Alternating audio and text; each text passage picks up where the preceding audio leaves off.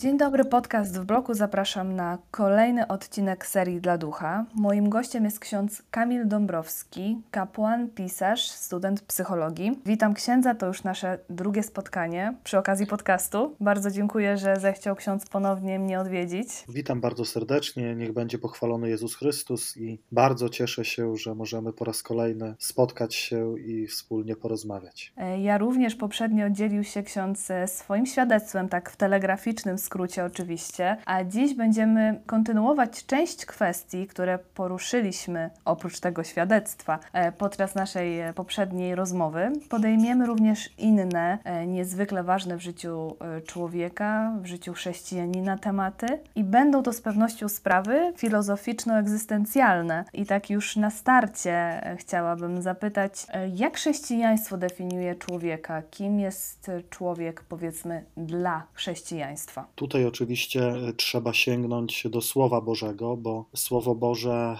objawia nam prawdę o Bogu, ale także prawdę o człowieku. I w liście do Tesaloniczan, w pierwszym liście do Tesaloniczan, w piątym rozdziale, w wersecie 23 e, czytamy: Sam Bóg pokoju niech was całkowicie uświęca, aby nienaruszony duch wasz, dusza i ciało bez zarzutu zachowały się na przyjście Pana naszego Jezusa Chrystusa. I w tym mhm. jednym zdaniu jest zawarta nauka dotycząca tego, kim człowiek jest. Święty mhm. Paweł wyróżnia w człowieku, oczywiście na kanwie Bożego objawienia, trzy rzeczywistości. Pierwszą jest ciało, drugą jest psychika, a trzecią jest duch. A mówiąc inaczej, człowiek to ciało, psychika i duch. I idzie o to, że chrześcijaństwo pokazuje człowieka w pełni, czyli nie redukujemy człowieka tylko do tego, co cielesne, ale też nie uciekamy w tak zwaną duchowość, czy też nie próbujemy spsychologizować człowieka. Staramy się na człowieka patrzeć w sposób holistyczny i całościowy, bo tylko w taki sposób można człowieka dogłębnie zrozumieć. Czyli tutaj przechodzimy już płynnie do tematu harmonii, bo taka powinna być tutaj zachowana. Czym jest ta harmonia w życiu chrześcijanina? Dokładnie.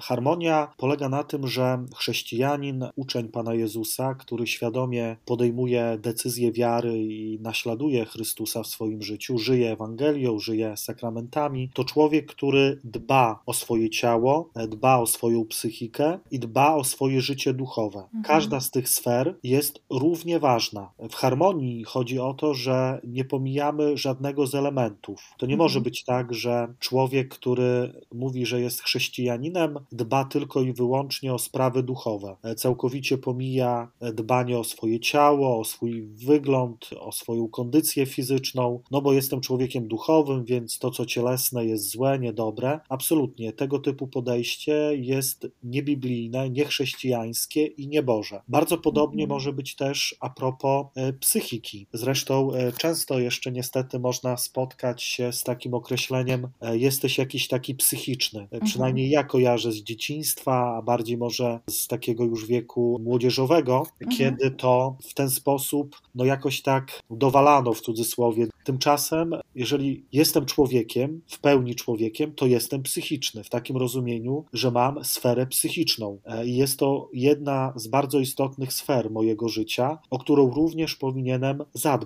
Tutaj nie wymyślam czegoś, co jest moją jakąś ideologią, jakimś moim poglądem na rzeczywistość, tylko proszę spojrzeć na samego Jezusa. Jezus, jak wiemy, czytając Ewangelię, był człowiekiem, który dbał o ducha, bo chociażby przychodził do synagogi, modlił się. Synagoga to nic innego jak dzisiaj dla nas chrześcijan Kościół. Był człowiekiem i Bogiem praktykującym. Poza tym wiemy, że Jezus często udawał się e, w miejsce odosobnione na modlitwę, po to, żeby tam rozmawiać ze swoim ojcem. To są takie dwa przykłady pokazujące, że on dbał o sferę duchową, ale mhm. dbał także o sferę cielesną, bo dobrze o tym wiemy, że gdy zobaczył, iż tłum, e, który go słucha, jest głodny, dokonał cudu rozmnożenia chleba i ryb, czyli w ten sposób też pokazał, że e, głodne ciało no, nie jest w stanie też dobrze słuchać Bożego Słowa. Wiemy mhm. też, że Pan Jezus chociażby u teściowej teściowej Piotra spożywał e, posiłki, bo po tym, gdy teściowa Piotra została przez niego uzdrowiona, e, w Ewangelii jest napisane, że usługiwała mu, czyli podawała Mhm. do stołu, przyrządziła mu jakąś dobrą strawę. Poza tym e, widzimy też u Pana Jezusa dbanie o taki harmonijny rozwój życia psychicznego, czyli życia emocjonalnego. Na kanwie Mhm. lektury Ewangelii możemy stwierdzić, że Pan Jezus przeżywał bardzo różne emocje. Mhm. Potrafił się radować, bo chociażby jest taki fragment w Ewangelii, gdy jest mowa o tym, że rozradował się w Duchu Świętym, ale był też człowiekiem, który potrafił się smucić, płakać. Pan Jezus zapłakał chociażby wtedy, gdy dowiedział się o śmierci swojego bliskiego przyjaciela Łazarza. Proszę Tak. zwrócić uwagę, że on przecież wiedział jako Bóg, że dokona cudu wskrzeszenia, a mimo to, kiedy się dowiedział o śmierci swojego przyjaciela, co zrobił? Zapłakał. No bo tak się zachowuje normalny, zdrowy człowiek, który realizuje też tą sferę e, psychiczną, emocjonalną. Gdy traci kogoś bliskiego, no to płacze, bo jest mi smutno po Tak. tej osobie, tak? E, Tęskno mi do tej osoby. Pan Jezus też się potrafił w sposób konstruktywny rozgniewać, chociażby e, w świątyni jerozolimskiej, kiedy, jak wiemy, w takiej bardzo mocnej scenie rozrzuca banknoty, monety, no dokonuje Mhm. takiego zdemolowania w pewien sposób miejsca, które było przed świątynią, które stało się takim miejscem targowiska z Panem Bogiem. On się wtedy rozgniewał, bo, bo nie chodzi o to, żeby w relacji do Pana Boga kupczyć czymś, Mhm. że ja złożę ofiarę, a Ty mi, Panie Boże, pobłogosławisz. Chodziło Panu Jezusowi, że Bóg chce żywej relacji człowieka, a nie jakiegoś kupczenia w wierze. Pan Jezus też się bał, trwożył. W ogrodzie oliwnym czytamy o tym, że pocił się krwią. Dzisiaj już wiemy też z medycyny, że w momencie, kiedy człowiek przeżywa ekstremalny stres, takie doświadczenie wielkiego lęku, to może nawet dochodzić takie, do czegoś takiego, że pękają naczynka krwionośne. I Mhm. to jest taki dowód na to, że Pan Jezus w ogrodzie oliwnym bardzo się bał. Chociaż znowu, jako Bóg wiedział, że zmartwychwstanie, ale był też prawdziwym człowiekiem. E, Nie naginał czy nie przekreślał tej sfery emocjonalnej, sfery psychicznej, tylko ją rzeczywiście też w sposób bardzo harmonijny, dobry, twórczy przeżywał. A więc tak reasumując, Jezus jako wzór człowieka pokazuje, że bardzo istotne jest to, by dbać o każdą z tych sfer, bo inaczej chrześcijanin no, będzie karykaturą Pana Jezusa, E, będzie w pewien sposób śmieszny dla świata, niepociągający ludzi z tego świata. No i niestety tak czasami jest, że Mhm. nawet wspólnoty formacyjne formują pod takim kątem, że bardzo duży nacisk kładą na ten aspekt duchowy, no ale człowiek wchodzi w duchowość, zapominając o swojej cielesności, zapominając o swojej emocjonalności i to w jakiś sposób wykoślawia obraz ucznia. Zdrowa duchowość prowadzi do tego, że człowiek zaczyna dbać o swoje ciało i dbać o swoją sferę psychiczną. No właśnie, i czasami, tak jak ksiądz tutaj wspomniał, ta duchowość wcale nie jest zdrowa. Dla niektórych z nas może być zaskoczeniem to, że nie tylko duch, według nauki Kościoła, powinien być otoczony przez nas szczególną dbałością. Czy jeżeli mniejszą troskę poświęcamy ciału, psychice, można to uważać za grzech? Wydaje mi się, że w szerokim tego słowa znaczeniu tak, ponieważ najważniejsze przykazanie, które nas obowiązuje jako chrześcijan i zobowiązanie, to jest przykazanie dotyczące miłości. Miłości bliźniego, Mhm. miłości siebie i miłości drugiego człowieka. Wydaje się, że my w tym triu zapominamy właśnie o tym dru- drugim członie, czyli o tej Tak. miłości do samego siebie. Jeżeli siebie kocham, to nie oznacza, że jestem egoistą, narcyzem. Jeżeli siebie kocham, tą miłością Bożą, to o siebie dbam. To o siebie dbam. Tak jak zależy mi w miłości na relacji z Bogiem i dbam o tą relację. Korzystam z sakramentów, modlę się, formuję, uczestniczę w rekolekcjach. Dbam o drugiego człowieka, bo go kocham. Poświęcam mu czas, rozmawiam z nim. Jak trzeba, z miłością zwracam uwagę. Jestem w stanie do poświęcenia, do jakiejś ofiary w taki sposób, żeby temu człowiekowi w jakiś sposób żyło się lepiej. No i coś bardzo podobnego powinno dotyczyć mnie. Skoro kocham Boga, kocham drugiego człowieka, no to powinienem też kochać siebie. My bardzo często o tym zapominamy, że przykazanie miłości to jest też przykazanie do siebie samego, a kochanie siebie to nic innego jak ten harmonijny rozwój tych trzech sfer, o których sobie powiedzieliśmy na samym początku. W jaki sposób to wypośrodkować, żeby nie poświęcać zbytniej uwagi na przykład duchowi? Na czym polegać powinna harmonia w życiu chrześcijanina? Na pewno tutaj, jeżeli chodzi o życie duchowe, dużo zależy od naszego powołania stanowego, bo trochę inaczej może prowadzić życie duchowe kapłan, trochę inaczej będzie to czynił zakonnik, który mhm. żyje w klauzurze, czyli jest w jakiś sposób zamknięty w pewnym klasztorze. Inaczej będzie to realizowała matka, która ma dwójkę małych dzieci, inaczej ojciec rodziny, który, jak wiadomo, musi zarobić, zapracować odpowiednią sumę pieniędzy, żeby utrzymać swoją rodzinę. Dużo zależy od powołania stanowego. Natomiast mhm.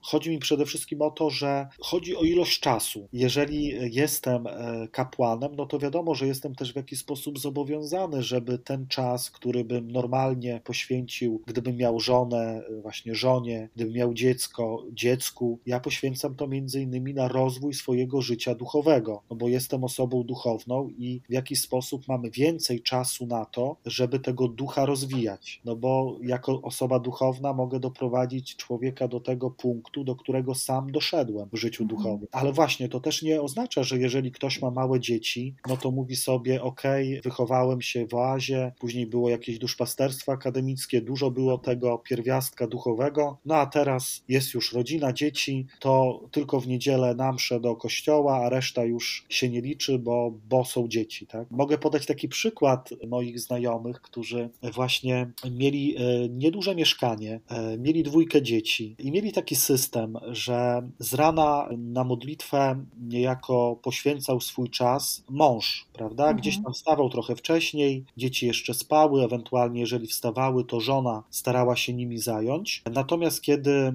mąż wracał z pracy, to było coś takiego, że zajmował się dziećmi, a właśnie wtedy żona miała te 15-20 minut, żeby spotkać się z Panem Bogiem w słowie, żeby mm. pomedytować. Jeszcze na, na, dodatek mieli małe mieszkanie i często te dzieciaczki, wiadomo, gdzieś tam szły w stronę e, łazienki, bo łazienka była tym miejscem, gdzie mama mogła się zamknąć i spokojnie czytać to Słowo Boże. To pamiętam, że e, właśnie e, mąż tej żony mówił: Nie idziemy teraz do łazienki, bo tam mama robi bardzo ważne rzeczy. Trochę tak zabawowo, ale w jakiś sposób to mi też pokazało, że nawet w małym mieszkaniu, nawet mając dwójkę dzieci, można też każdego dnia znaleźć te 15-20 minut na taką osobistą rozmowę z Panem Bogiem. Wiadomo, mhm. że przesadą by było, gdyby, gdyby tego czasu więcej poświęcać, bo zaniedbałoby się pewnie inne obowiązki. Tutaj warto nieraz skonsultować tego typu sytuacje ze spowiednikiem czy z kierownikiem duchowym, poradzić mhm. jakiegoś kapłana, który nawet może nie jest e, moim stałym spowiednikiem, tak żeby coś mądrego wypracować w sensie takiego kompromisu, by dobrze realizować swoje powołanie stanowe, ale by też był ten czas na ten osobisty kontakt z Panem Bogiem. Jakie są zagrożenia duchowe, które mogą wynikać z poszukiwań? Bardzo dobre pytanie, bo rzeczywiście człowiek chce, chce się rozwijać, chce zadbać o swoje zdrowie, bardzo często też chce się rozwijać duchowo i oczywiście dbać też o tą sferę psychiczną. Wydaje się, że w dzisiejszych czasach ta świadomość takiego samorozwoju jest dość wysoka, jest na bardzo dobrym poziomie, ale właśnie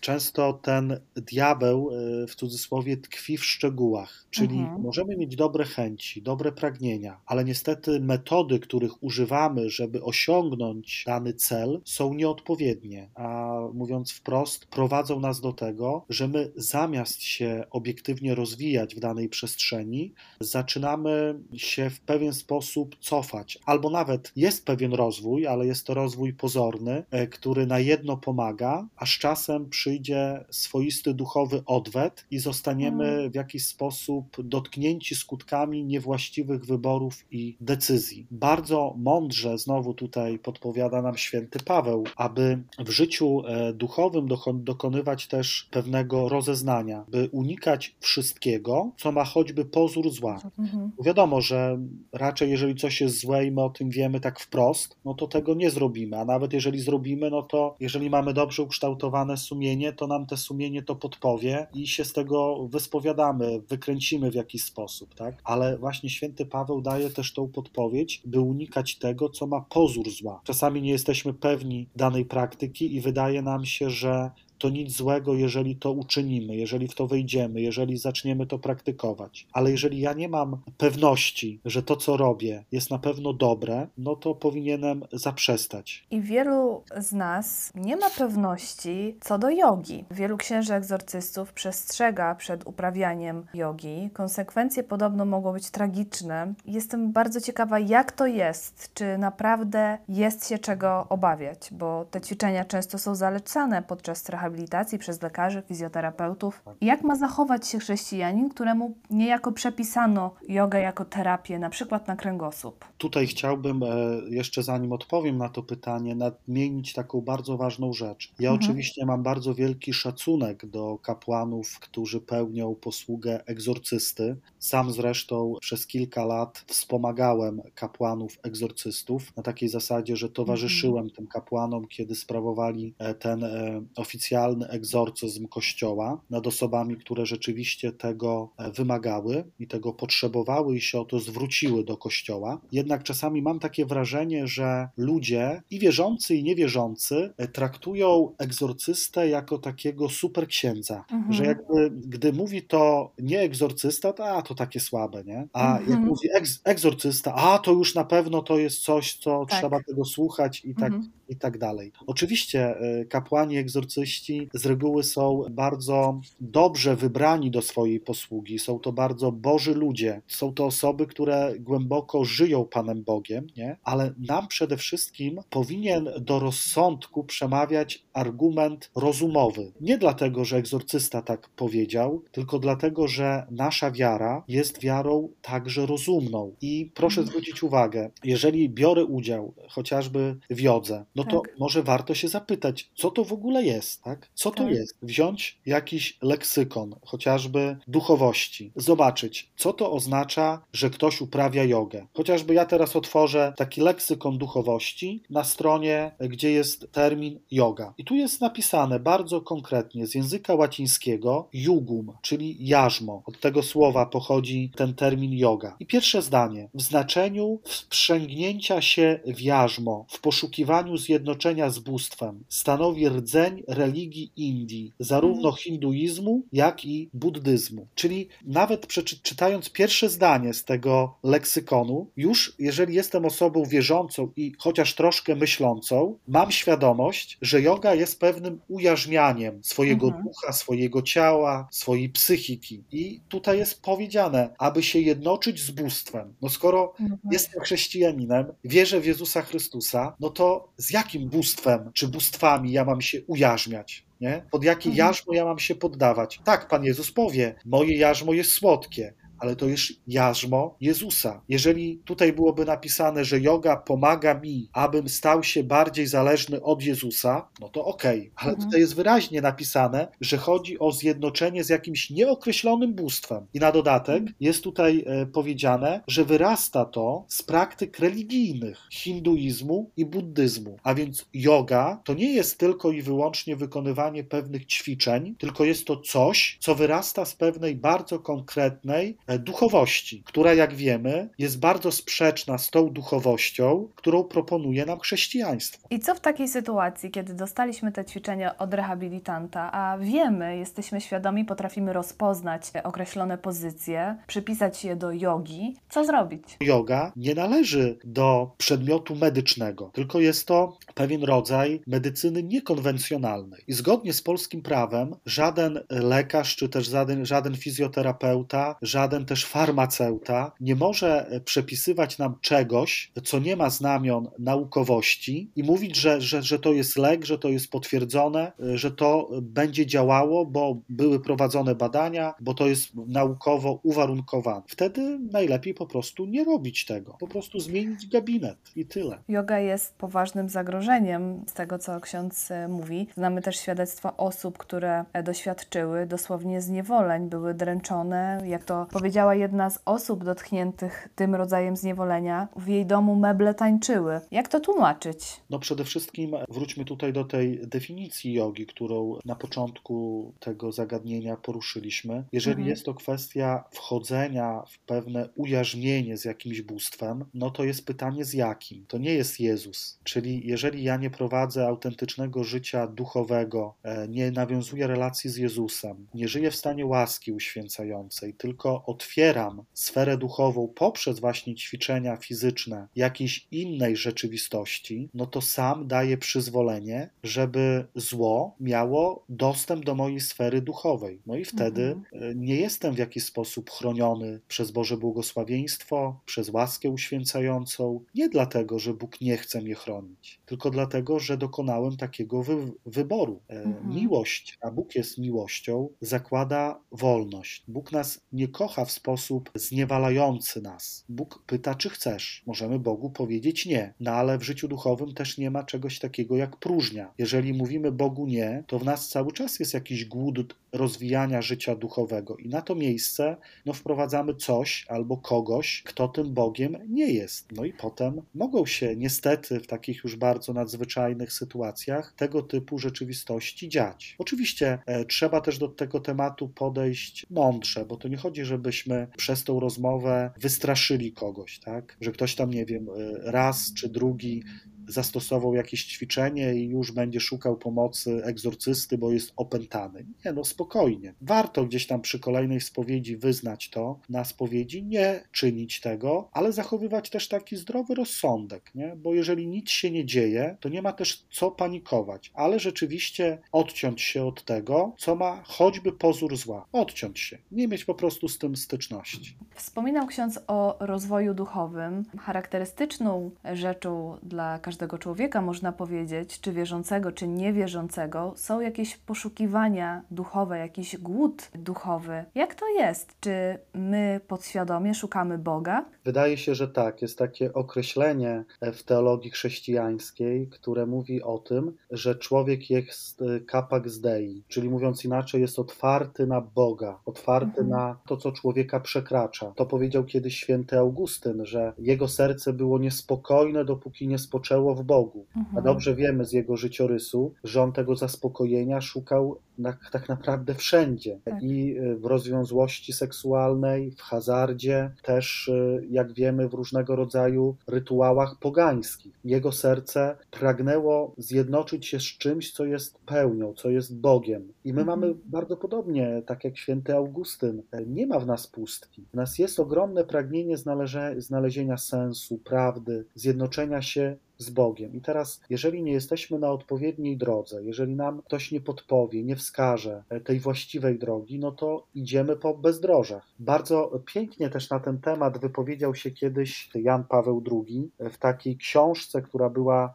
wywiadem swego czasu bardzo głośnym, przekroczyć próg nadziei. Właśnie redaktor, który zadawał mu pytania, poruszył tą kwestię tego, że wielu chrześcijan szuka takich właśnie substytutów duchowości, chociażby w filozofii, ideologii Bliskiego czy Dalekiego Wschodu. I e, wtedy Jan Paweł II po, powiedział: Wypada chyba przestrzec chrześcijan, którzy z entuzjazmem otwierają się na rozmaite propozycje pochodzące z tradycji religijnych Dalekiego Wschodu, a dotyczących na przykład technik i metod medytacji oraz ascezy. W pewnych środowiskach stało się to wręcz rodzajem mody, którą przejmuje się dość bezkrytycznie. Trzeba, ażeby najpierw dobrze poznali własne duchowe dziedzictwo, żeby także zastanowili się, czy mogą się tego dziedzictwa ze spokojnym sumieniem wyrzekać. Czyli reasumując, można tutaj zacytować takie znane ludowe powiedzenie: cudze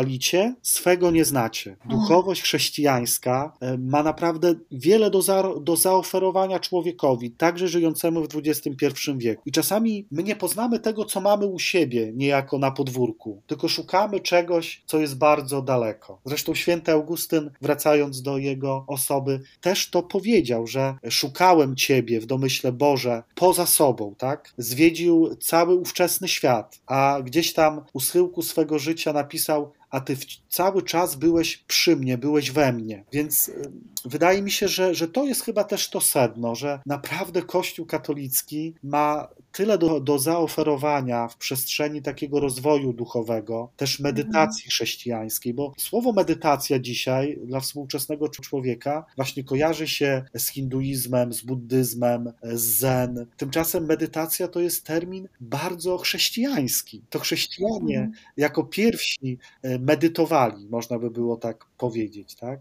No właśnie, powiedzmy naszym słuchaczom, Czym jest medytacja chrześcijańska? Mówiąc najogólniej, to nic innego jak poddawanie swojego życia pod Ewangelię, pod Słowo Boże. To właśnie to otwieranie się na Boże prowadzenie. Jeżeli rzeczywiście e, nauczymy się medytacji, bo wiadomo, że właśnie w chrześcijaństwie paradoksalnie nie ma też jednej drogi medytacyjnej, bo są medytacje ignacjańskie, franciszkańskie, karmelitańskie, e, są medytacje, które możemy nazwać taką metodą, która do końca nie jest metodą, ale nazwijmy to, że to jest metoda lekcjo divina, takie Boże czytanie Słowa Bożego. Jest wiele rekolekcji, wiele ośrodków w Polsce, tak naprawdę w każdym większym mieście, gdzie można z tego typu formy skorzystać i wbrew pozorom bardzo wielu ludzi, także żyjących w Polsce, korzysta z tego typu pomocy, żeby uczyć się medytacji chrześcijańskiej na, na określonej drodze, bo, bo te drogi się trochę różnią, ale prowadzą do tego sa, samego celu, prawda? Bo mhm. do Warszawy z Białego Stoku też można jechać kilkoma drogami, nie mhm. tylko S8. Grunt, żeby dojechać do celu, tak? Czyli z, zjednoczenie z Bogiem, ale zjednoczenie, które nie polega na tym, że ja się rozpłynę w Bogu. Bo właśnie między innymi w medytacjach Dalekiego Wschodu chodzi o to, że ja mam stać się jedno ze światem, który mnie otacza, z jakąś energią, która w tym świecie jest. Czyli mówiąc inaczej, ja mam się zatracić w tym, co jest. W medytacji chrześcijańskiej chodzi o to, że ja staję się coraz bardziej partnerem, przyjacielem Boga w Jezusie. Bo Jezus powiedział: Ja nie nazywam was sługami, ale nazwałem was swoimi przyjaciółmi. Czyli mówiąc najprościej, każda medytacja zmierza do tego, że Bóg staje się moim przyjacielem. W jaki sposób człowiek, który dobrze medytuje, czasami nawet może nie używając ściśle określonej techniki, ale jeżeli rozwija się duchowo, no to dochodzi do takiego przeświadczenia, że najważniejszym pytaniem jest to pytanie, które brzmi: co na moim miejscu uczyniłby Jezus? Mhm. Staję przed pewnym życiowym dylematem, tak? Nie wiem, co zrobić. A nawet później, już nawet ja nie pytam, co Jezus by zrobił, bo ja chcę tego, co czyni Jezus. Czyli ja już robię tak, jak robi Jezus. Jakby upodabniam się do Niego, ale nie mhm. tracę przy tym e, swojej tożsamości, swoich cech charakteru, swojego temperamentu, bo łaska buduje na naturze. I zachowuje harmonię. Dok dokładnie, zgadza się. Dlatego mhm. jeszcze tutaj dopowiem, zdrowa, dobra medytacja chrześcijańska, ona nam będzie też pokazywała, że słuchaj chłopie, za dużo poświęcasz czasu na modlitwę, a za mało czasu poświęcasz na to, żeby zadbać o swoje ciało. Podam taki bardzo bardzo prosty przykład. Zdarza się tak, że na przykład mężczyźni, bo to częściej jest u mężczyzn, cierpią na tak zwany bezdech senny, czyli mhm. Śpią nawet 8 godzin, ale ich jakość snu jest tak niska, że te 8 godzin to jest tak, jakby zdrowy człowiek spał godzinę. No i taki człowiek wstaje do codziennych obowiązków. On może poczytać Słowo Boże, ale jego organizm jest niedotleniony, spadła saturacja, jest rozdrażniony, łatwo go zdenerwować, jest nie do życia dla żony, dla mhm. bliskich, dla współpracowników. I tutaj on może medytować Pismo Święte 24 godziny na dobę, ale jego natura no, jest w jakiś sposób z pewnym defektem i musi się udać udać do lekarza, żeby to zlikwidować, poprawić jakość snu. Ja kiedyś miałem, pamiętam też taką kobietę, która no po prostu była no, bardzo dobrze wykształcona, bo czasami wiadomo, że spotykamy tak zwanych nawiedzonych ludzi, którzy wszędzie szukają pomocy i nikim nie, nie może pomóc. I ona w wieku tak mniej więcej 46-7 lat zaczęła zauważać, no, że jest nie do życia. Po prostu cały czas kłóci się z mężem, chociaż byli bardzo dobrym małżeństwem. Jest nie do życia w swojej pracy, jest cały czas rozdrażniona, zmiana nastrojów i tak dalej. Nie? No i ona już na tą modlitwę wstawienniczą pojechała i na tamtą modlitwę o uwolnienie. Już zrobiła rachunek sumienia z całego życia, szukała jakiejś praprzyczyny. A co było? Przyczyną to, że jej hormony źle działały. Mhm. Poszła do, do lekarza, ustawiono jej odpowiednie leki, e, praca hormonalna została ustabilizowana. Mąż później dziękował, bo akurat no, tak się zdarzyło, że Pan Bóg się moją osobą posłużył, że w końcu znalazł się normalny ksiądz, który powiedział, że, że to może niekoniecznie tylko sprawa duchowa, ale że trzeba iść do, do lekarza, który może zdiagnozuje, powie i jest problem rozwiązany. Mhm. No niby oczywista oczywistość, ale jakże często o niej zapominamy. Nawiązując do uzdrowień, bo wspomniał ksiądz o uzdrowieniach, o, o mszach z modlitwą o uzdrowienie. Niektórzy mówią, że to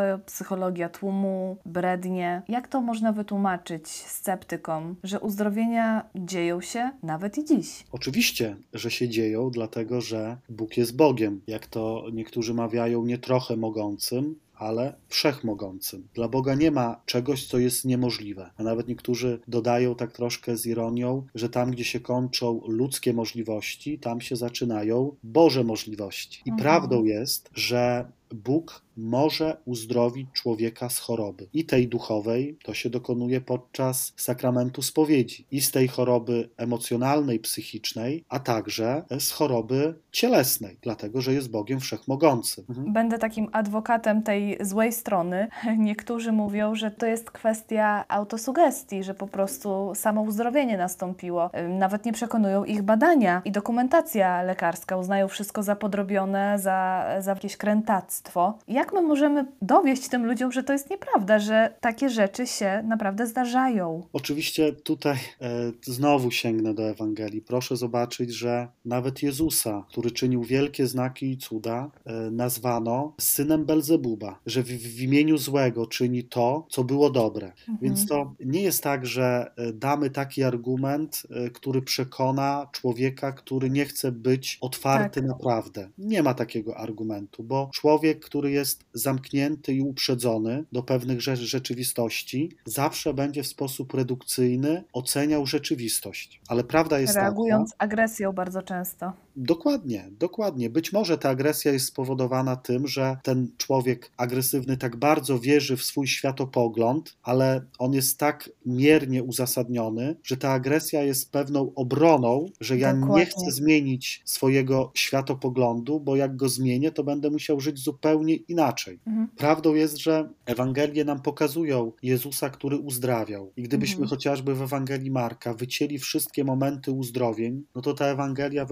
wyglądałaby jak szwajcarski ser. Byłoby tam pełno dziur. Oczywiście Mhm. uzdrowienie fizyczne nigdy nie jest celem samym w sobie, bo nawet jeżeli człowiek ma uzdrowione ciało, ale nie idzie za tym przemiana serca, przemiana ducha, no to ciało prędzej czy później ulegnie innej chorobie, bo nie jesteśmy w sposób cielesny nieśmiertelny. Mamy nieśmiertelną duszę, przebóstwione ciało, które dzięki zmartwychwstaniu Chrystusa stanie się naszym udziałem po naszym zmartwychwstaniu, też jest nieśmiertelne, ale te ciało cielesne, które posiadamy, ono jest śmiertelne. I jeżeli nawet Bóg dotyka nas uzdrowieniem, i to jest rzeczywiste uz- uzdrowienie, no to jest to pewien znak Jego troski, Jego miłości, który pokazuje: Zobacz, jestem dobry, zrobiłem to dla Ciebie. I bardzo często owocem właśnie uzdrowień fizycznych, e, które dzieją się podczas Eucharystii, podczas adoracji, czy podczas modlitwy wstawienniczej, czy podczas wizyty w sanktuariach, jest właśnie to, że człowiek zaczyna zmieniać swoje życie duchowe, zaczyna korzystać z sakramentów. Oczywiście też trzeba tutaj powiedzieć bardzo jasno, że czasami człowiek ma też niewłaściwe motywacje, przychodząc na tego typu modlitwę, no bo zależy takiemu człowiekowi tylko i wyłącznie na tym, żeby coś od Boga otrzymać, ale nie interesuje go Bóg jako taki. Czyli Albo interesuje... zobaczyć coś sensacyjnego i paranormalnego, bo na to wielu liczy, prawda? Chociażby tutaj biorąc na tapet spoczynek w Duchu Świętym, którego ja y, nie doświadczyłam, ale widziałam. Pamiętam, że byłam naprawdę zadziwiona, jak to jest możliwe, że cały rząd ludzi pada na twarz w kamienną posadzkę, wbrew fizyce, wstaje i nie ma żadnego zadrapania. Na czym to polega? To jest na pewno temat rzeka i e, Mhm. trzeba Chociaż troszkę powiedzmy, bo nie każdy wie. Na pewno tutaj jest dużo też takich spekulacji teologicznych co do tego, czym spoczynek w Duchu Świętym jest, a czym nie jest. Ja nie jestem ekspertem w tej dziedzinie. Mhm. Natomiast rzeczywiście spotykam takie osoby, które doświadczywszy tego typu zdarzenia duchowego, bardzo mocno zaczęły zmieniać też swoje życie duchowe. Miałem kiedyś taki przykład chłopaka, który przyjechał na rekolekcję totalnie przez przypadek, a raczej był zmuszony przez swoją mamę. Był nastolatkiem, bardzo zbuntowanym i za bardzo nawet nie uczestniczył w modlitwie, która była prowadzona. Stał gdzieś z boku, no i właśnie do, doświadczył takiego spoczynku w Duchu Świętym. To od strony takiej zewnętrznej wygląda jak omdlenie. I kiedy mhm. wstał po kilku tam czy kilkunastu minutach, powiedział: Pragnę jednego, pragnę się wyspowiadać. Więc wow. E, no, Pan Bóg może się posługiwać bardzo różnymi okolicznościami, ale mówię, najważniejsze jest to, żeby dar nie zakrywał dawcy, hmm, bo dokładnie. dar jest pewnym opakowaniem, tak? Jest pewnym opakowaniem. Najważniejsze jest to, co jest wewnątrz, czyli Bóg. Mhm. Powracając do tematu zagrożeń duchowych, chciałabym trochę podpytać o wróżby. Nadal są bardzo popularne. Wielu ludzi korzysta z ofert wróżbitów. Bardzo często mają oni w swoich gabinetach pełno obrazków świętych, które mają zapewnić komfort takiej osobie i utwierdzić ją w przekonaniu, że korzystanie z wróżki nie jest niczym złym. Czym to się może skończyć? I jak to możliwe, że wróżby się sprawdzają? No przede wszystkim znowu się trzeba odwołać do takiego argumentu logicznego, że jeżeli y, mamy skutek jakiegoś działania, to znaczy, że jest przyczyna, która to ten skutek wywołała. Jeżeli mam siniaka, no to nie jest tak, że ten siniak powstał sam z siebie. Albo mam mhm. jakąś chorobę związaną z krzepliwością krwi, albo się uderzyłem o coś, albo mnie ktoś uderzył, jest jakaś jeszcze inna przyczyna. Ale coś spowodowało, że ten siniak powstał. I teraz, jeżeli przekładamy ten argument logiczny chociażby na wróżby, no ktoś nie ma prawa wiedzieć, co się wydarzy, a to przepowiada, no to pytanie, skąd o tym wie? Mhm. Gdzie jest źródło wiedzy tego człowieka? No jeżeli nie można tego racjonalnie wytłumaczyć, no bo ktoś może powiedzieć, a tak samo jest w chrześcijaństwie, no bo prorocy na przykład też zapowiadają coś, no ale przyczyną działania proroka jest jego więź z Bogiem, czyli przyczyną jest Bóg. Ja tutaj mówię coś w imieniu Boga, zapowiadam, ostrzegam, koryguję, ale przyczyną tego mojego działania jest Bóg. I prorok jest na tyle pokorny, że mówi to, co mówię, nie jest ode mnie, jest Bożym przesłaniem i przede wszystkim weryfikacja prawdziwości proroka polega na tym, że to, co prorok zapowiada swoimi ustami, ale w imieniu Boga, się po prostu spełnia. Mhm. Ale on mówi, ta przyczyna to jest Bóg. Natomiast wróżba no, pochodzi od kogo. No tak. A jak ksiądz myśli, dlaczego wróżki, wróżbici, osoby zajmujące się tarotem i tego typu e, sprawami podpierają się niejako wizerunkami świętych? Przede wszystkim trzeba też powiedzieć, że jest bardzo wielu oszustów w tej dziedzinie. Mhm. Jest bardzo wielu oszustów. Ludzie, którzy nieraz znajdują się w bardzo trudnym położeniu życiowym, mają jakąś chorobę, stracili kogoś bliskiego, albo ktoś z bliskich choruje, naprawdę szukają różnych sposobów, żeby w jakiś sposób pomóc. Albo się nieszczęśliwie ktoś zakochał, albo się zakochuje i chce wiedzieć, czy to na pewno ta osoba, czy będę szczęśliwy, szczęśliwa. Więc często jest to takie budowanie na pewnej potrzebie człowieka, czasami wręcz na jego biedzie, nieraz za mhm. bardzo duże pieniądze. I oczywiście, jeżeli żyjemy w kulturze chrześcijańskiej, niektórzy powiedzą, że już żyjemy w kulturze postchrześcijańskiej, ale cały czas gdzieś to, co chrześcijaństwo wniosło we, w Europę, jest jakoś tam zauważone zauważalne, no to powiedzmy ludzie, którzy się parają wróżbami, magią, często po prostu chcą e, stworzyć taki pozór, że przecież to, co robię, no jest też aprobowane przez Pana Boga, dlatego mam tutaj mhm. wizerunek świętego, dlatego mam tutaj wizerunek Chrystusa, dlatego mam figurkę Matki Bożej. Czyli jest to takie trochę oswajanie da, danego człowieka, który przychodzi, czasami ma znowu słabą wiedzę religijną, e, nie ugruntowuje swojej wiary też rozumowo, no i wchodzi do jakiegoś tam gabinetu, pomieszczenia, widzi święte obrazy. No skoro święte obrazy, one wiszą w kościele, no to znaczy, że tutaj wszystko jest w porządku. To jest mhm. pewna taka, ja bym powiedział nieraz, zasłona dymna, żeby człowieka omamić i wprowadzić w takie doświadczenie, że nic złego tutaj się nie, nie dzieje. Naprawdę więcej rozumu, więcej mhm. rozumu. Wiele rzeczy, które my nazywamy zagrożeniami duchowymi, one jakby mają taki podatny grunt, bo nie rozwijamy swojej wiedzy, także wiedzy mhm. religijnej. To co, to, co jest przecież tym przesłaniem e, Jana Pawła II z encykliki Fides et Ratio. Wiara i rozum. Wiara wiara bez rozumu naprawdę może stać się ideologią, może stać się zabobonem. Oczywiście nie chodzi o to, że my wszystko wytłumaczymy rozumem. Nie, nie, dlatego po słowach konsekracji, kiedy jest msza święta, kapłan wypowiada formułę oto wielka tajemnica wiary. Nie jesteśmy w stanie w pełni rozumowo zrozumieć, że kapłan wypowiada słowa i my dalej widzimy opłatek, dalej widzimy kielich z winem, ale to już nie jest tylko opłatek, ale to jest ciało Chrystusa. To już nie jest tylko wino, to jest krew Chrystusa. Jednak to nie świadczy o tym, że nie powinniśmy używać rozumu. Tam, gdzie się da, trzeba go używać. No i bardzo często tracimy ten rozum, choćby e, korzystając z senników. Myślę, że wielu z nas miało doświadczenie. Ja sama wiele, wiele lat temu czytałam o znaczeniu snów. E, teraz już wiem, że jest to absolutnie niezgodne z nauką Kościoła katolickiego. Dlaczego? Bo e, sen jest rzeczywistością bardzo, bym powiedział, skomplikowaną. My już dzisiaj też wiemy, dzięki, znowu powiem, nauce, że sen jest niczym innym jak takim swoistym listem nieświadomym świadomości, czy nawet podświadomości do naszej świadomości. Że są to bardzo często rzeczywistości, które my w procesie takiego normalnego, codziennego funkcjonowania wypchaliśmy ze swojej świadomości, zepchnęliśmy je i one podczas snu, można by było powiedzieć, w jednej z faz tego snu są porządkowane, ale ten porządek następuje w sposób e, przez nas jakoś tak no, niekontrolowany. To jest nieraz tak, ja to porównuję, jak czasami trzeba sprzątnąć w mieszkaniu, to wpierw zanim się sprzątnie, to trzeba jeszcze bardziej pobrudzić. Nie da się przetrzeć książek na półce, wpierw ich nie wyjmując. Czasami trzeba wyciągnąć rozłożyć je gdzieś tam na posadzce i wychodzi, że jest jeszcze brudniej niż było. Ale kiedy wytrzemy, poukładamy, jest dobrze. I sen to jest właśnie też taki moment w naszym życiu, kiedy, kiedy pewne rzeczy się w nas układają, ale w sposób bardzo nieharmonijny. Teraz, żeby dobrze odczytać sen, znowu trzeba też mieć pewną wiedzę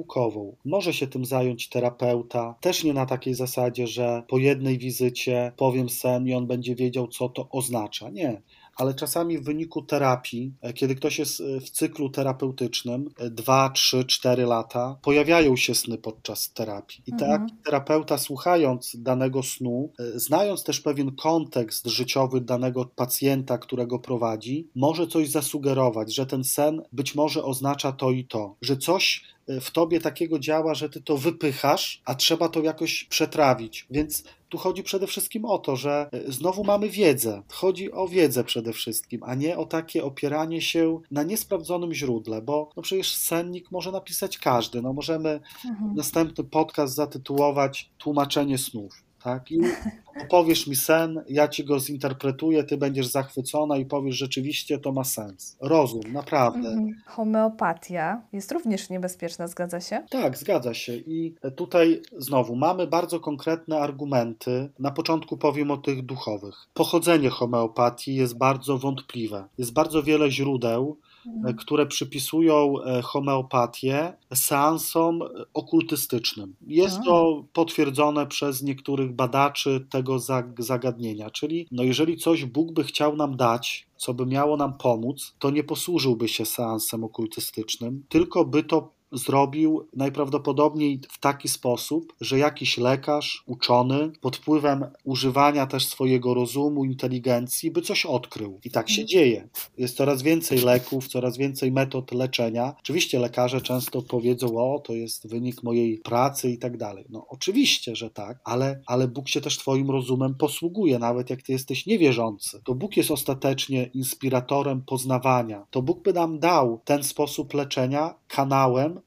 który jest zgodny z jego działaniem. A drugi argument, już taki nieduchowy, to jest kwestia tego typu, i to też wiemy od specjalistów, którzy zajmują się po prostu farmacją. W homeopatii nie ma niczego, co mogłoby wywołać skutek leczniczy. To jest takie bardzo duże uproszczenie, ale kiedyś jeden z doktorów farmacji mi mówił: Proszę księdza, wie ksiądz, czym się różni zwykła aspiryna od aspiryny homeopatycznej? No mówię, czym? To tak jakby ksiądz zwykłą aspirynę wrzucił do Wisły w Krakowie, a wyłowił szklankę wody w Warszawie z tej samej Wisły i powiedział: To jest aspiryna homeopatyczna.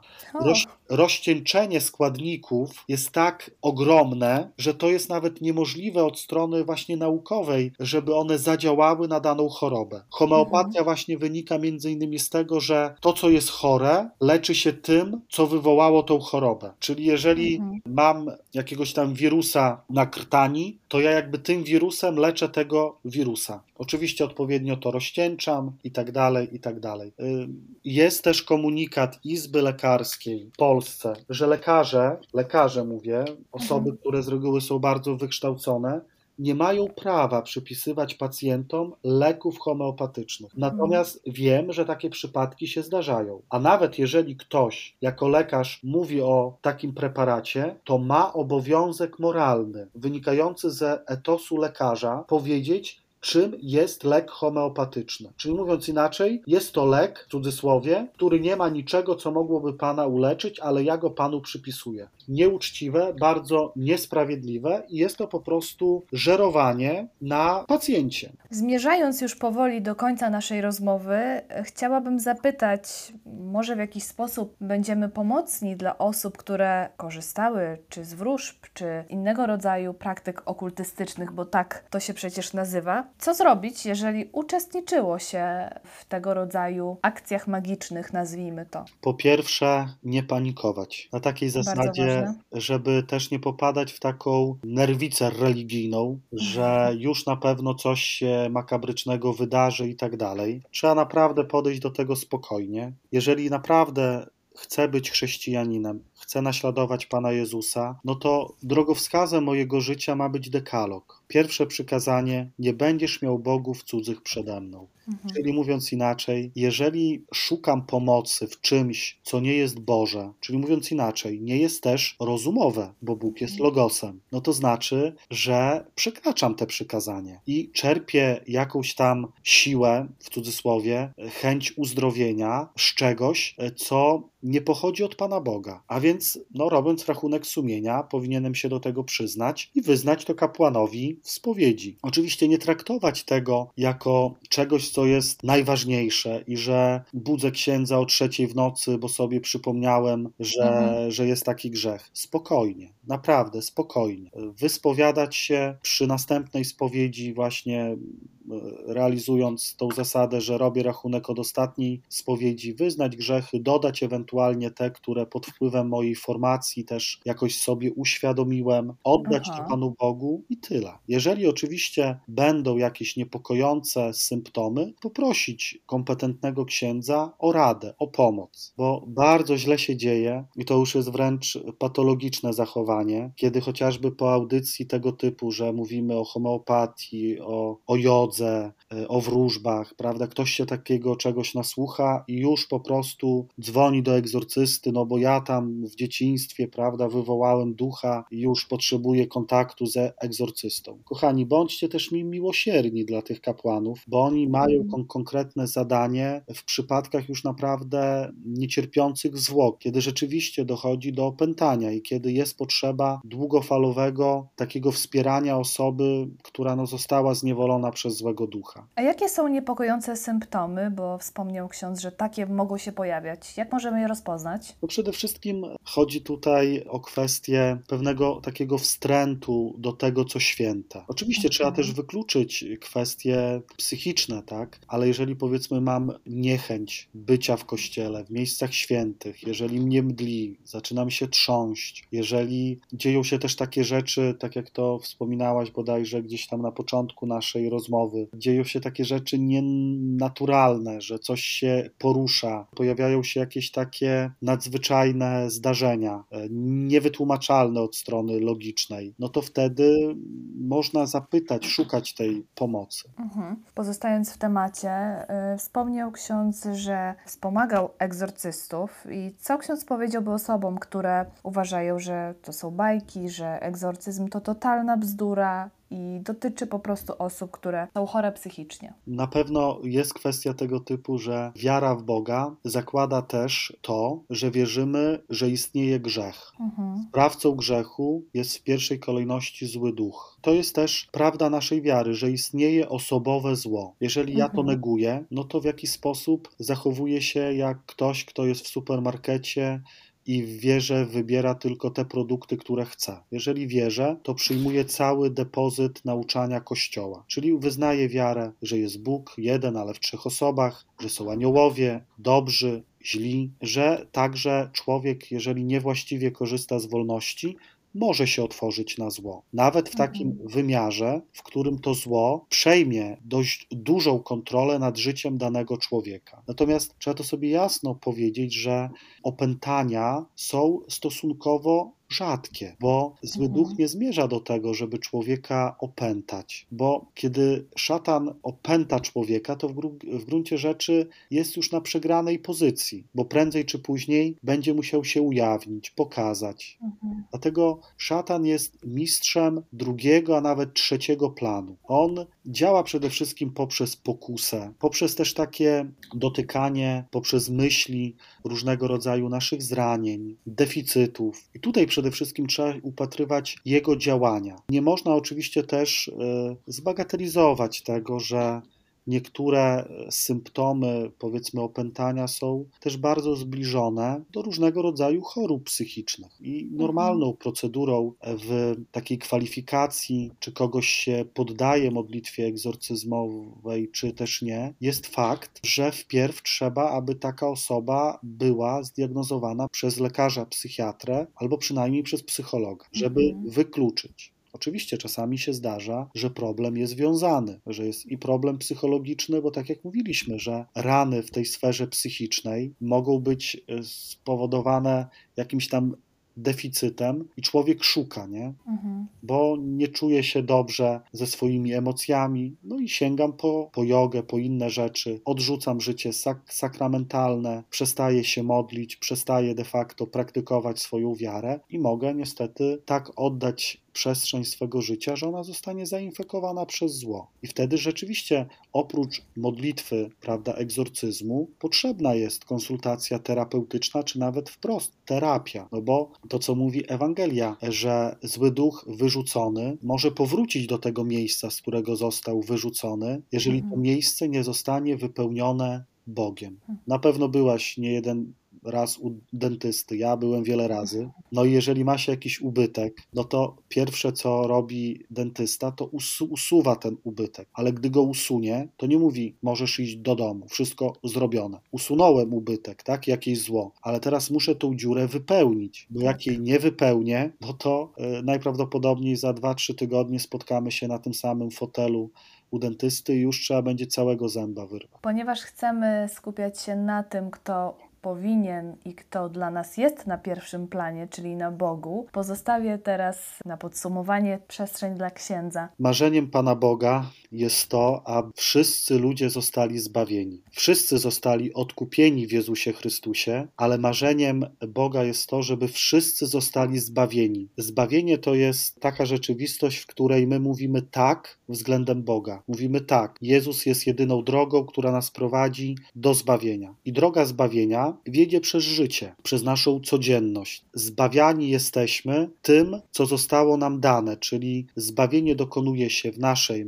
w naszej psychice, w naszym duchu i w naszym ciele. Jeżeli chcę doświadczać zbawienia w Jezusie, to powinienem harmonijnie dbać o każdą ze sfer swojego życia, ponieważ Harmonia jest czymś bardzo istotnym i bardzo ważnym, aby zaaplikować doświadczenie zbawienia odpowiednio i tak, żeby to wydało dobry owoc. Żebyśmy jako y, chrześcijanie no nie byli jak taka parząca pokrzywa albo taki kaktus, który wszystkich kuje, ale żebyśmy rzeczywiście swoje życie tak przekształcali dzięki też łasce Boga, odrzucając też pewne rzeczywistości, które są złe, niedobre, niezgodne z Panem Bogiem, tak aby nasze życie stawało się świadectwem. Bo bardzo lubię to stwierdzenie: Nie mów mi o swojej wierze, tylko pokaż mi, jak żyjesz, a ja powiem ci, jak wierzysz. Jeżeli będziemy Wow. pięknie żyć, czyli dbali o swoje ciało, dbali o swoją psychikę